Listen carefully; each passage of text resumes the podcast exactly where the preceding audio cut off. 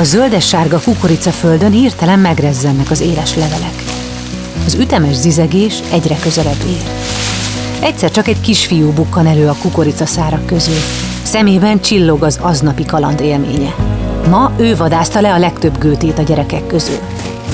A kukoricatáblákon keresztül siet haza, alig várja, hogy elmesélhesse a sikeres expedíciót. Otthon a kájhában már pattog a tűz. Édesanyja melegíti a fürdővizet. Amikor kész, egy bádog kádba tölti. Jocó, a kisfiú már a talpát mossa, miközben lelkesen mesél a szüleinek. Miután végzett a fürdéssel, felveszi a pizsamáját, amit édesanyja vart neki, és az egész család együtt ül asztalhoz. Édesapjával vacsora közben megtervezik a másnapot, amikor is Jocó besegít egy birkavágásban. Aztán irány az ágy, mert reggel korán kell kelni, sok feladat vár rájuk. De Jocó az ágyban nem tud elaludni. Egy verset mond, némán magában. Végre most először tatogás nélkül.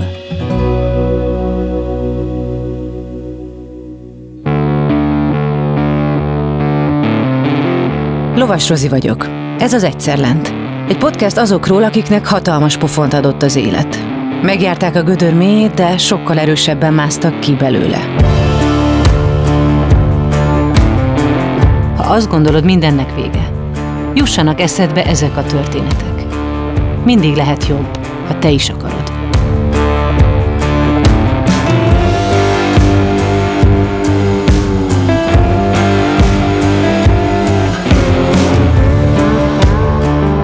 Ebben az epizódban Balatoni József, vagy ahogy a legtöbben ismerik, Jocó bácsi történelemtanár, író és média személyiség történetét ismerhetitek meg, akinek fontos küldetése, hogy a hazai oktatásban érjen el megújulást, ami valljuk be már rég időszerű. Hogy miért választotta ezt a kihívásokkal teli pályát, és milyen nehézségekkel kellett megküzdenie, míg elfogadta és megszerette önmagát, az hamarosan kiderül. Ezt a műsort azért tudtuk elkészíteni, mert a Generáli biztosító szponzorként mellénk állt. Hallgassátok meg, miért fontos nekik, ami nekünk is. A leggyakrabban a semmiből jön az a bizonyos pofon, ami a padlóra küld. Elveszíted a munkád, a társad, vagy a saját egészséged mondja fel a szolgálatot. Ahányan vagyunk, annyiféleképpen vagyunk rosszul, és annyiféle támogatásra vágyunk. Mi a Generalinál abban hiszünk, hogy empátiával, személyes kapcsolattartással és rátszabott megoldásokkal úgy tudunk segíteni, ahogy neked a legjobb. Azért támogatjuk az Egyszer Lent podcastet, mert tudjuk, hogy ezek a történetek nem csak elgondolkodtatnak, hanem segítenek abban, hogy jobban odafigyeljünk egymásra, és ezzel megelőzhetjük a bajt, vagy csökkenthetjük azok súlyosságát.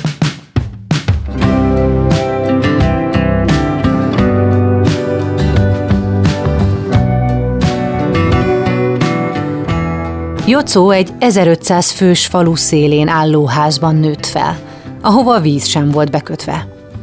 Hat éves volt, amikor megszületett a kis húga.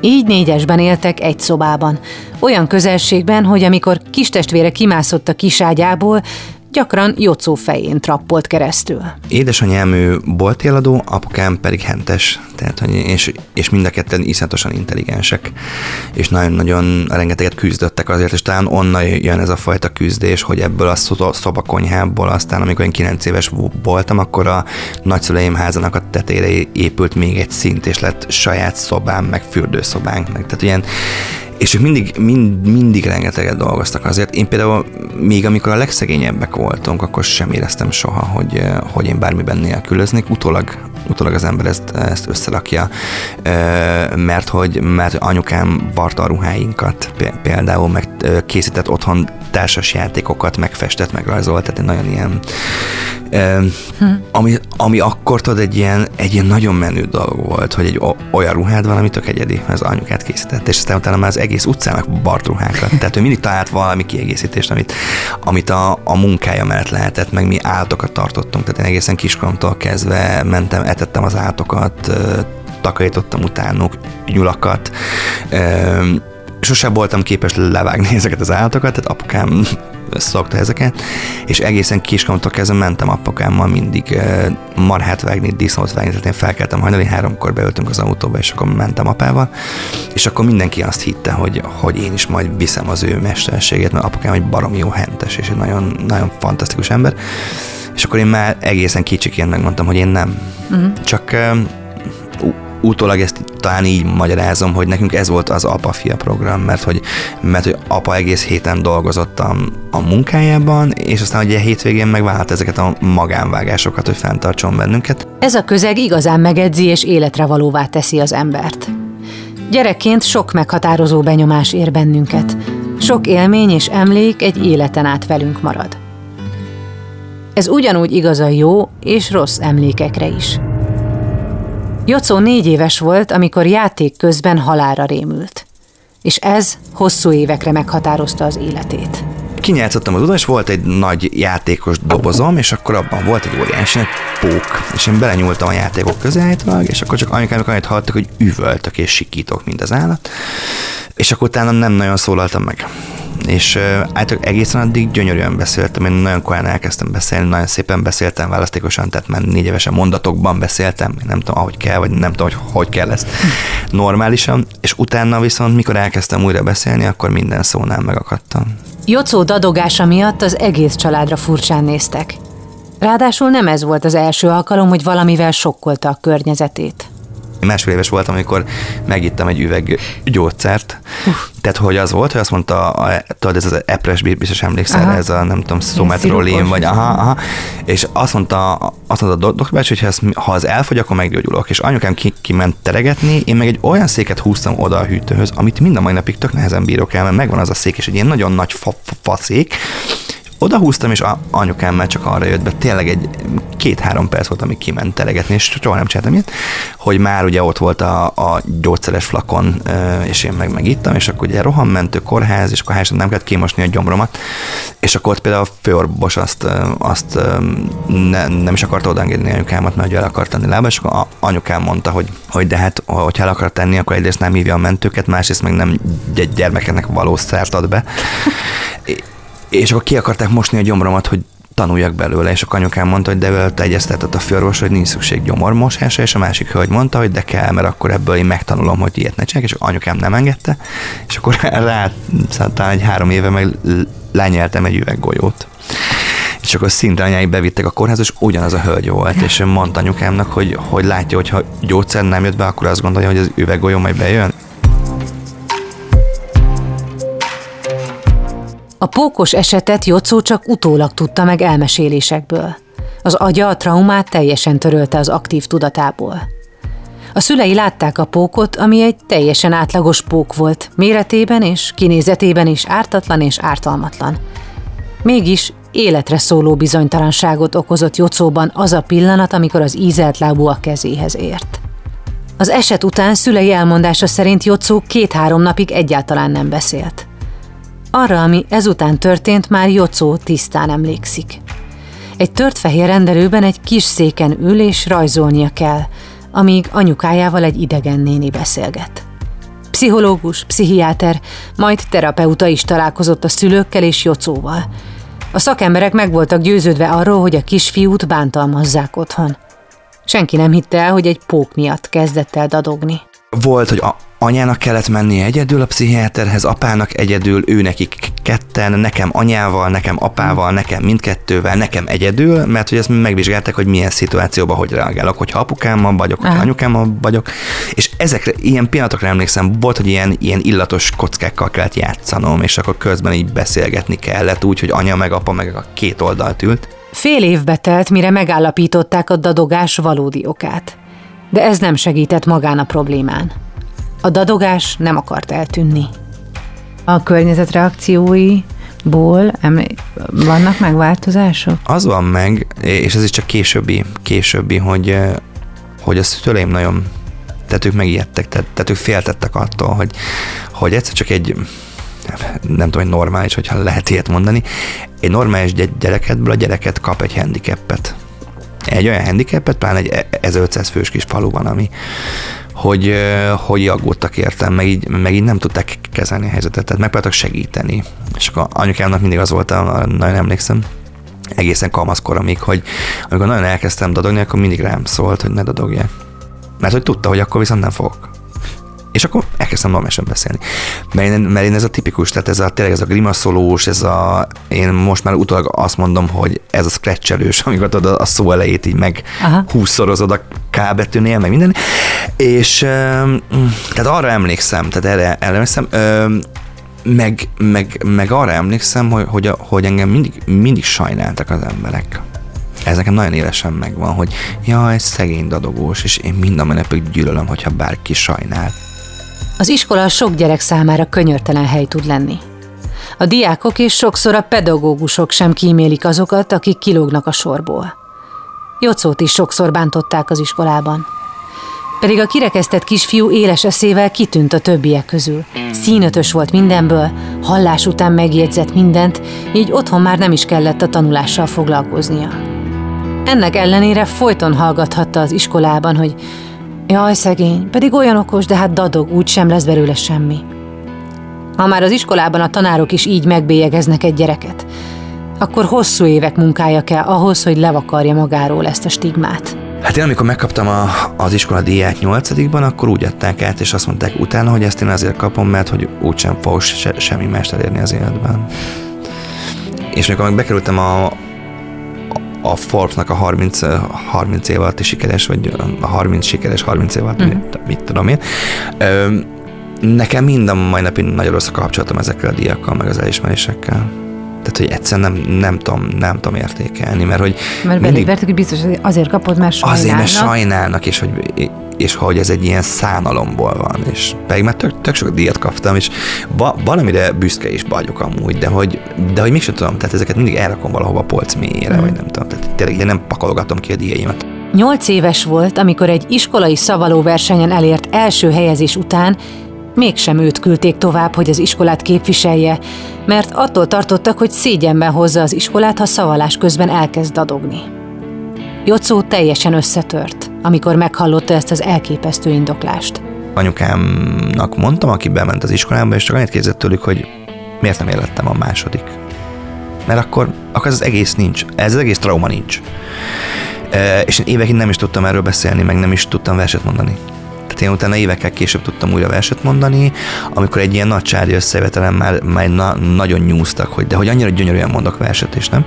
És akkor ők bennültek egy nappaliban, én meg kint háttal nekik lekapcsolt villanya, hogy ne is lássa, akkor tudtam először verset mondani évekkel később. Arra mikor jöttél erre a képességedre, hogy a színpadon nem megszűnik a dadogás?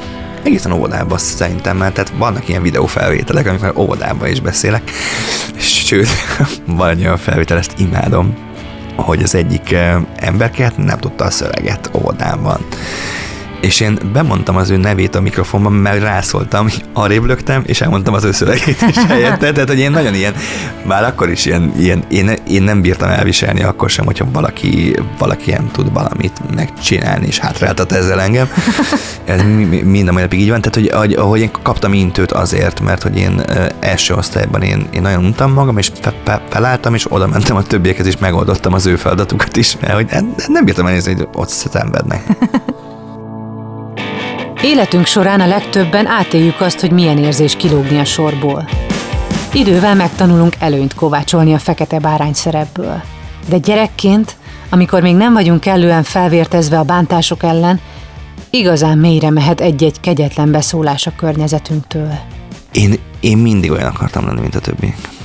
Tehát, hogy, mert, hogy, mert hogy amikor kilógsz a sorban, mondjuk már gyerekként, és akkor, akkor rohadt nehéz, mert hogy mindig úgy kezelnek, hogy te nem tudom, ilyen ufó vagy. És én mi, mindig így minden bele akartam illeszkedni abba a sorba. És a gyerekek vagy a felnőttek a gonoszabbak? A gyerekek csúfoltak, de hogy én, én tök handicapes voltam, tehát dadogtam, kitűnő tanuló voltam, és dagi. Tehát ez három olyan dolog, amivel tehát simán lehet bárkit. A felnőttek, a felnőttek, mert hogy egy gyerek nem, nem mindig van tisztában azzal, meg, meg, meg ő nem gonoszságból csinálja, hanem mert piszkálni akar. Tehát tehát, tehát a felnőttek voltak nagyon gonoszak, és minden, majd nagyon haragszom ezért, mert, mert ezt egy gyerekkel sem lehetne megtenni. semmiféle módon, és ezt én pedagógusként ezt én vallom, és nagyon persze mondasz olyan mondatokat, ami, ami bántó, mert óhatatlan, de hogy utána odaállsz és elnézést kérsz. És ezt szerintem onnantól kezdve már teljesen másképp hat. Tőlem soha nem kértek elnézést ezért. Utólag, utólag amikor beszéltem a DTK-non erről, akkor a, az akkori iskoligazgató állítólag egy értekezleten felhozta ezt, és mondta, hogy úristen, ezt mi tettük be, bele. Mm. És akkor mondták a többiek, hogy igen, de soha senki nem kért elnézést. Mindannyian ismerjük azt a helyzetet, amikor egy szó, egy kifejezés már a nyelvünk hegyén van, de nem tudjuk kimondani, mert éppen nem jut eszünkbe. Ennek a frusztrációnak a sokszorosát éli meg egy dadogó ember, amikor a szavába vágva próbálnak kéretlenül segíteni neki. A legrosszabb, amikor kimondják helyetted. Az volt a legrosszabb, Aha. mind a mai napig. Ma, ma már nem, mert most már nem mondják ki helyettem, és ezt mindig mi, mi, mi, el is mondom, hogy hogy amikor ki akarsz valamit mondani, és akkor segíteni akarnak, és kimondják helyetted. Ez borzasztóan megalázó. Tehát az ilyen, az a földbe döngölés. Tehát, hogy így várd már meg azt a 10 másodperc, amíg kinyökögöm, hogy mit akarok, és akkor tudod, van ez a vicc, kakós csigánt akarok, de nem tudom, kinek a kapsz egy kiflit, és akkor nem, minden, nem mindegy, szóval egy idióta. De hogy, de hogy az, az volt a legmegalázóbb, amikor kimondták helyetted a szavakat. Mert nem, vagy nem volt türelmük kivárni, vagy, vagy tényleg csak segíteni akartak, és hogy, hogy hát a pokolhoz vezető út is jó szándékkal van kikövezve, és hogy ez, ezek, ezekkel inkább, inkább még jobban ledöngölöd az illetőt. Aki kilóg a sorból, és ráadásul még határozott véleménye is van, amit fel is vállal mindenki előtt, annak fel kell készülnie a kritikus hangokra. Pláne a netes komment szekcióban. A véleményformálás íratlan szabályait sokan nem ismerik a hozzászólók közül, és a negatív véleményt sokan könnyebben kiírják magukból, mint a pozitívat. Dadogós embert azt miért engednek mikrofon elé, vagy miért engednek uh-huh. iskolában, meg gyerekek közé, mert hogy, mert hogy ő szerintük alkalmatlan egy ember, aki beszédhívával küzd. Volt egy hölgy, aki aki egyenesen kifejtette, és nagyon szép volt, mert jó szándék, tehát írta, hogy ő, hogy ő csak jót akart nekem, ő engem félt, hogy engem támadás ér, ezért ő kifejtette e- előre, hogy milyen támadások érhetnek, és azt mondta, hogy, hogy, hogy ő azt gondolja, hogy tök jó, hogy én beszélek, de hogy én lejáratom a pedagógus társadalmat, azzal, hogy beszédhívásként mikrofon elé ülök egy rádióban, és, és szerintem mindig kéne mellé egy ember, aki, aki nem dadog, és akkor, úgy, és akkor, akkor úgy lennék egész, és akkor van, van egy kerekesszékes sportoló barátom, Bovi Gyuri, és akkor ő mondta, hogy akkor ő, hát akkor ő jönne velem, mert ő tud beszélni, meg bírok járni, és akkor ezt ketten összerakjuk, és akkor ketten, tehát nagyon érdekes, tehát ez, ez, ez valamiért mind a mai napig mélyre megy. Mielőtt folytatódik ez az epizód, hallgassd meg a Beaton podcast ajánlóját. A szavak hihetetlen erővel bírnak. Lehetnek akár alapkövei egy új életnek. Én egy aprófalú cigánytelepén nőttem fel, ahol ahelyett, hogy az esti tábortűz mellett anekdotáztam volna a többiekkel, inkább a holdfényében letűnt korok nagyjait olvastam. Petőfit, Adit, Kosztolányit. Orsós Lajos vagyok, a Pont Elég házigazdája. Meghívlak egy pár perces kikapcsolódásra. Ha szereted az irodalmat, a klasszikusokat vagy a kortárs gondolatokat, akkor tarts velem, mert néha egy pár jó szó pont elég ahhoz, hogy szebb legyen a nap. Amikor Jocó gimnazista lett, nagyot fordult vele a világ. Ugyanis az új közegben egészen máshogy viselkedtek vele a többiek. Elfogadták, olyannak, amilyen. Aztán jött egy nagy megmérettetés. Kilencedikben mindenkinek részt kellett vennie a szavaló versenyen. Jocónak is választania kellett egy verset. Kapásból tiltakozott, kizárt, ő biztosan nem áll ki. De társai nagy nehezen meggyőzték, és végül választott egy verset ugyanazt, amit általános iskolásként szavalt. Petőfi Sándor Szeged-szeggel. Jocó megnyerte a versenyt. Nagyon érdekes volt, a szeged mindig van egy sor. Mind a mai napig bedadogok, amikor tanultam, akkor ott, ott meg, megakadtam egyszer. És tudod, hogy ha dadogosként, ha megtanulsz egy szöveget, dadogás nélkül, akkor el tudod mondani. Tehát én például angolul, meg olaszul nem dadogok. Tehát én idegen nyelven tökre tudok beszélni, és ott egyszer, el, de, de hogy egy minimális megakadás volt, és az, az úgy rögzült belém. De az egész vers alatt nem dadogok, csak ott az egynél. Most már megtanultam azt, hogy ha ott veszek egy nagyobb levegőt, akkor átlendülök ezen. De hogy eh, meg aztán megtanultam tényleg a gesztikulációkkal, hogy ez át, át tudom magam lendíteni. A középiskolában Jocó számára kinyílt a világ. A jó közösségnek köszönhetően végre önmaga lehetett. A gimnáziumi évek alatt énekelni tanult, musical stúdióba járt, és színházi előadásokban is szerepet kapott. Mégis, amikor eljött a felvételi ideje, és döntenie kellett, hogyan tovább, nem merte beírni a színművészeti főiskolát. Nem mertem beadni a színművészetére, nem mertem elmenni a felvételire. De mindenki mondta, hogy de hát menjél, mert hogy tényleg jó vagy benne, és hogy van-e, van ott neked helyed, és nem mertem elmenni. Volt azonban egy régóta dédelgetett álma, hogy pedagógus lesz. Már elsős korában eldöntötte, hogy tanítani fog. Nagyon menő dolognak tartotta, hogy másokat megtaníthat írni, meg számolni. Kamaszként otthon a plüssállatainak mondta fel a leckét. Ez egyszerre volt terápia és gyakorlás, hogy minél könnyebben tudjon beszélni mások előtt. Ezt úgy, úgy tudtam megfogalmazni, mint amikor az ember egyszer csak nem tudom, vallásos lesz, hogy így, hogy így van valami elhívásod. És én ezt érzem a pedagógiával kapcsolatban mind a mai napig. Hogy nekem, hogy nekem van, egy, van egy elhívásom, hogy én, hogy én pedagógus kellett, hogy legyek. Mm. Pedig volt időszak, amikor nem akartam az lenni. Tehát akkor nagyon a színház volt, nagyon a média volt benne ebben a, ebben a fókuszban, tehát én nem is, tehát mondom, volt egy-két amikor nem akartam tanár lenni. Aztán mégiscsak visszakanyarodtam hozzá, és hát milyen az élet, hogy amikor meg elkezded azt, ami, a, amiben szerelmes vagy, akkor egyszer csak, egyszer csak bekúszik az életedbe a média, teljesen váratlanul, uh-huh. és egy ilyen poénnak induló oldal miatt, meg egy, meg egy tévés játék miatt. És aztán meg is marad, tehát hogy meg is marad, szó, szó, szóval azért kompenzált, meg kárpótolt, és aztán a színház is visszatért az életembe, mert ugye a Momentán társulattal játszottunk évekig egy iskolaszínházi előadást, de például most is játszani fogok, idézőjelben játszani fogok a lemez két oldalába a Kovács Patriciával, meg a Horváth Lilivel, és én leszek az, aki mindig belép a szituációkba, és tanárként egy picit megvilágítja, hogy mi, mi történik a két szereplőben. Jocó még gimnazista volt, amikor először élt át pánikrohamot. Pápán megnyílt egy nagy áruházlánc első üzlete, és a hatalmas tömegben a bevásárló kocsit szorongatva egyszer csak rosszul lett. Ott állt a bolt közepén, és ezerrel dobogott a szíve. Azt gondolta, hogy ez már a vég. Biztosan ott esik össze és meghal. Hosszú évek teltek el, mire megtudta, mi is az a pánikroham. Addigra viszont már mindennapossá váltak a rosszul létek.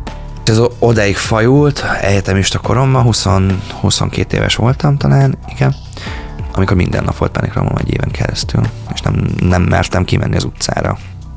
Tehát hogy annyira durván túlhajtottam magam, meg bepörgettem magam, meg nem foglalkoztam ezzel az egészen, hogy minden nap pánikrohamot kaptam, és már a lakásban is és ilyen nagyon durvákat, tehát olyan volt, hogy ültem, és azt éreztem, hogy bedagadt az egész arcom, és mindenem. Izé. És aztán persze nagyon jó módszereket találtam ki arra, hogy kijöjjek a pánikbetegségbe, elkezdtem inni. Mert ez tök jó, hogy amikor iszol, akkor csak, ez csak egy pálinkát, és akkor úgy el tudtam indulni. és utána tehát bele csúszik az ember könnyen ebbe az alkoholos történetbe. De aztán az se volt elég, és akkor itt és tehát az az egy év, az, az katasztrófa volt, és akkor, akkor volt az, hogy meg akartam halni. Tehát mondtam, hogy e, ez így nem élet, hogy minden pillanatban attól rettegsz, hogy mikor támad rád a démonod. Mm.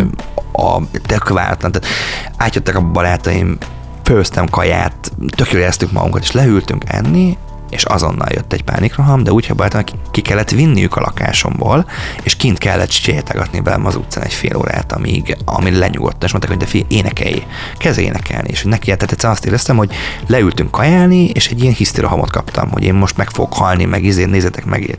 Tehát az volt a szerencsétlenségünk, hogy a, a ház tömbbe volt a házi orvos, és én, és, én, és én két naponta mentem hozzá, és, és amúgy egy, egy nagyon fél nő volt belgyógyász, és mondta, hogy jó, akkor József, akkor most mindent elvégzünk, jó? Minden vizsgálatot. Na, akkor nézzük meg, és egy olyan vérképen volt akkor is, nem mind a napig, hogy ilyen tankönyvbe illő, tehát tökéletes. Hmm. És mindig mondta, hogy de József, most már ezt, most már ezt felejtsük most, tehát, tehát nincs baja. Vagyis hát nem olyan baja van, hanem, hanem agyban, ez agyban, és mondtam, biztos, hogy nem. Jocónak be kellett ismernie, hogy segítségre van szüksége. Vett egy nagy levegőt, mielőtt tárcsázta a pszichológus telefonszámát. El kellett hessegetni a gyerekkori emlékeit, azt a sok alkalmat, amikor agyturkászhoz járt a dadogás miatt. Le kellett győznie az előítéleteit, miszerint aki pszichológushoz megy, azzal valami baj van. A kezdeti félelmek ellenére elkezdett rendszeresen járni szakemberhez. Amitől nem múlt el teljesen a pánikbetegség, de egyre jobban megtanulta kezelni a helyzetet. Nem azt mondom, hogy megoldódott, mert minden mai napig vannak néha pánikrohamaim, de hogy most már olyan szinten meg tudom állítani, meg tudom kezelni, hogy a múltkor előadást tartottam, színpadon ültem, és ült mertem a menedzserem, aki kérdezgetett, és látta a tekintetemen, és látta, hogy elkezdek ízadni, és konkrétan beszéd közben kaptam egy pánikrohamot. Éreztem, hogy elszorul mindenem, de nem hagytam abba a mondatot, hanem hanem végigvittem, és közben belül meg mantráztam magamban. Nem emlékszem ilyenkor arra néhány perc, amíg, amíg a, a roham tart. Mantráztam magamban, hogy ez csak az agyam csinálja, nincs bajom. Így, hogyha most kapnék egy pánikrámot, nagyjából abból annyiból venni rész, hogy elkezdek izzadni, mm. meg egy picit ilyen, picit ilyen érződik, hogy kicsit befeszülök belül, de hogy azért ez egy kökemény, kö, kö, kökemény tíz év volt, amíg, eh, amíg ezt én megtanultam, azt, hogy ez, ez csak az agyam játszik velem. Mm. De ez is lehet egyébként, hogy valahogy köze van ahhoz, hogy saját magad megkérdőjelezése, vagy hogy gyenge vagyok, vagy sajnálni kell, vagy valami bajom biztosan van, hiszen kívülről ilyen megerősítések Valószínűleg ez, meg aztán a nagyon sok terápia kapcsán oda jutottunk, hogy ez a ez a folyamatos megfelelési kényszer, hogy én mindig mindenkinek meg akarok felelni, és azt akarom, hogy engem mindenki szeressen. És ezt kellett elengednem, hogy, hogy olyan nincs, hogy valakit mindenki szeret olyan nem, olyan nem létezik. Hát én sem szeretek mindenkit, akkor én hogy akarnám azt elérni, hogy engem mindenki szeressen. Folyamatos kontroll a beszéden, és folyamatos kontroll az egész életünkön. A megfelelési kényszert nagyon nehéz elengedni. Teljesen talán nem is lehet. De meg lehet tanulni észrevenni az aggasztó jeleket, és időnként kicsit lazítani a gyeplőn én azt gondolom, hogy, hogy az élet ez nagyon, na, nagyon kegyes hozzám, annak ellenére, hogy rengeteg traumám volt, meg nem tudom, tényleg egészen a pánikbetegségemtől a gázolásig, tehát mi, mi, mi, minden megtörtént, ami, tehát mindig ilyen vannak ilyen stop táblák az életemben. Ez milyen gázolás? Túltoltam magam, e, és volt három előadásom egy nap. E, délelőtt volt egy gyerekfoglalkozásom, Kistokajban amúgy délután egy tanárképzésem, és este pedig szülőknek egy előadásom.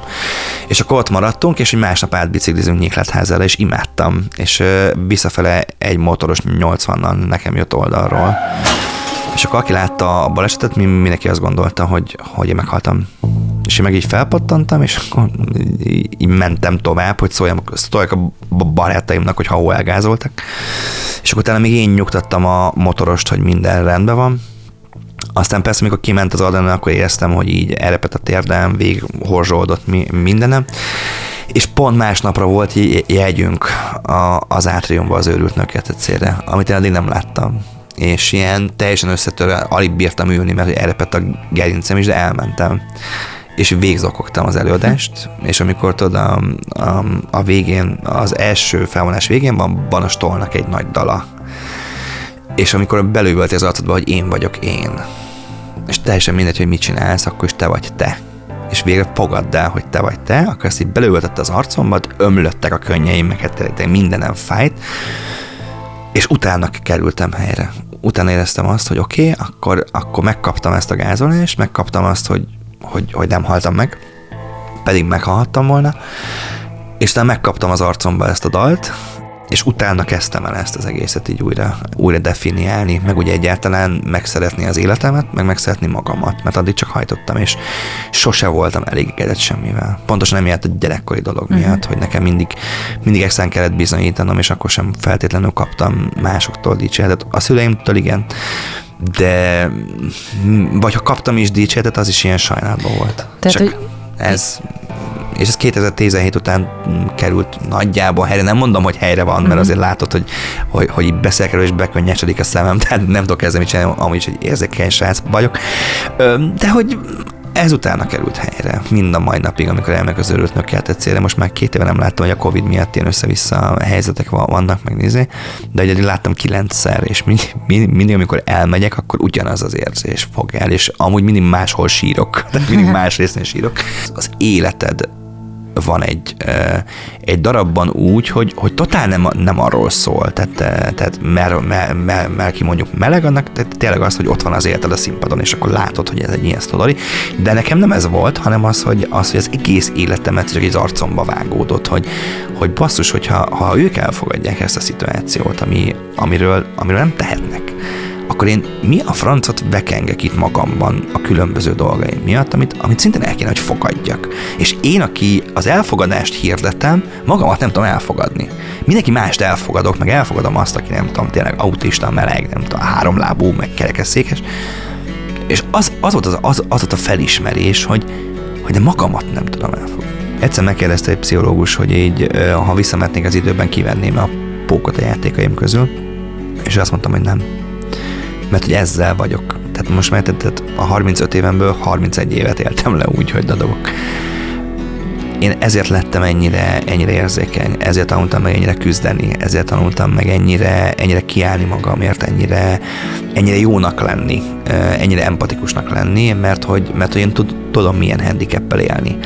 És ezért tudok nagyon nagy, tényleg őszintén odafordulni a handicappel élőkhöz, és, és segíteni nekik akár, akár azzal, hogy kiállok, mert hogy rengeteg uh, szülő ír nekem, hogy a gyereked adog, és, uh, és én, én tudom benne oldani azt a mérhetetlen kétségbeesést, hogy, hogy, hogy mi, mi lesz a gyerekével, mert hogy van példa. És szerinted mik voltak az életedben a legfontosabb olyan lépések, vagy kanyarok, vagy döntések, amik a gyógyulás felé vezettek, vagy hogy ezt magad mögött hagyhasd? Az egyik aztán az volt, amikor egy, egy napon volt eldönteni, hogy én beadom a felvételimet Pápára a kollégiumba, a Türisen gimnáziumba, és meghoztam ezt a döntést, hogy eh, hogy én elköltözöm ebből az 500 fős kis faluból, és kollégiumban fogok élni 15 éves koromtól.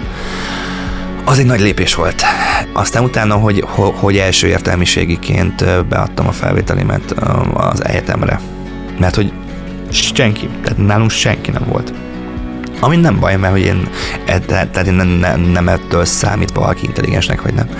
De hogy elmertem menni, és elmertem menni egyetemre. A másik az az, amikor, az amikor, amikor megmaradtam, és először álltam ki gyerekek elé úgy, hogy én vagyok. Tehát, tehát nem gyakorlat volt, nem semmi, hanem na mostantól az én felelősségem, és oda ki kell állni és az egy nagy, nagy, át, na, nagy határátlépés volt, tehát én féltem a legjobban, tehát hogy és akkor voltam hogy mondja 25 éves, és a, akikhez meg először mentem, ők meg akkor voltak 19 évesek, tehát egy érettségiző osztályt megkaptam az érettségi utolsó évére, hogy akkor kezdjük velük valamit, és mi, mindenki utálta a történelmet, és mindenki kettes volt belőle.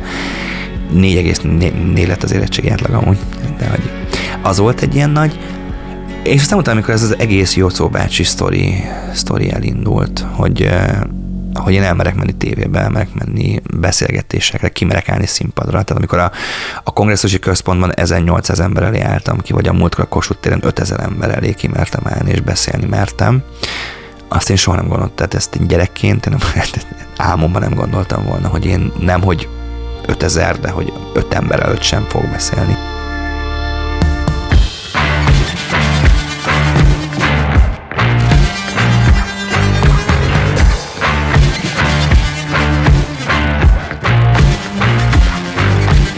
Az Egyszerlen podcastet hallhattátok.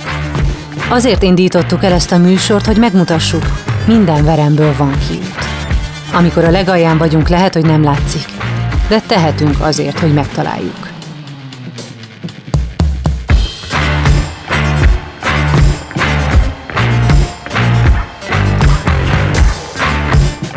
Az epizód szerkesztője Mihály Kövisára, a főszerkesztő Nejcer Anita, a szövegíró Horváth János Antal, a zenei és utómunka szerkesztő Szűcs Dániel, a kreatív producer Román Balázs, a producer pedig Hampuk Rihárd volt. Lovas Rozit hallottátok. Ha úgy érzed, hogy te vagy valaki a környezetedben krízis helyzetben van, hívd a 116 123 ingyenes lelki elsősegély számot. Beaton Studio. Vidd magaddal ezt a történetet. Ha van lehetőséget, kerüld el a bajt. Ha pedig már benne vagy, ne feledd, minden gödörből van kiút. Generali. Érted vagyunk.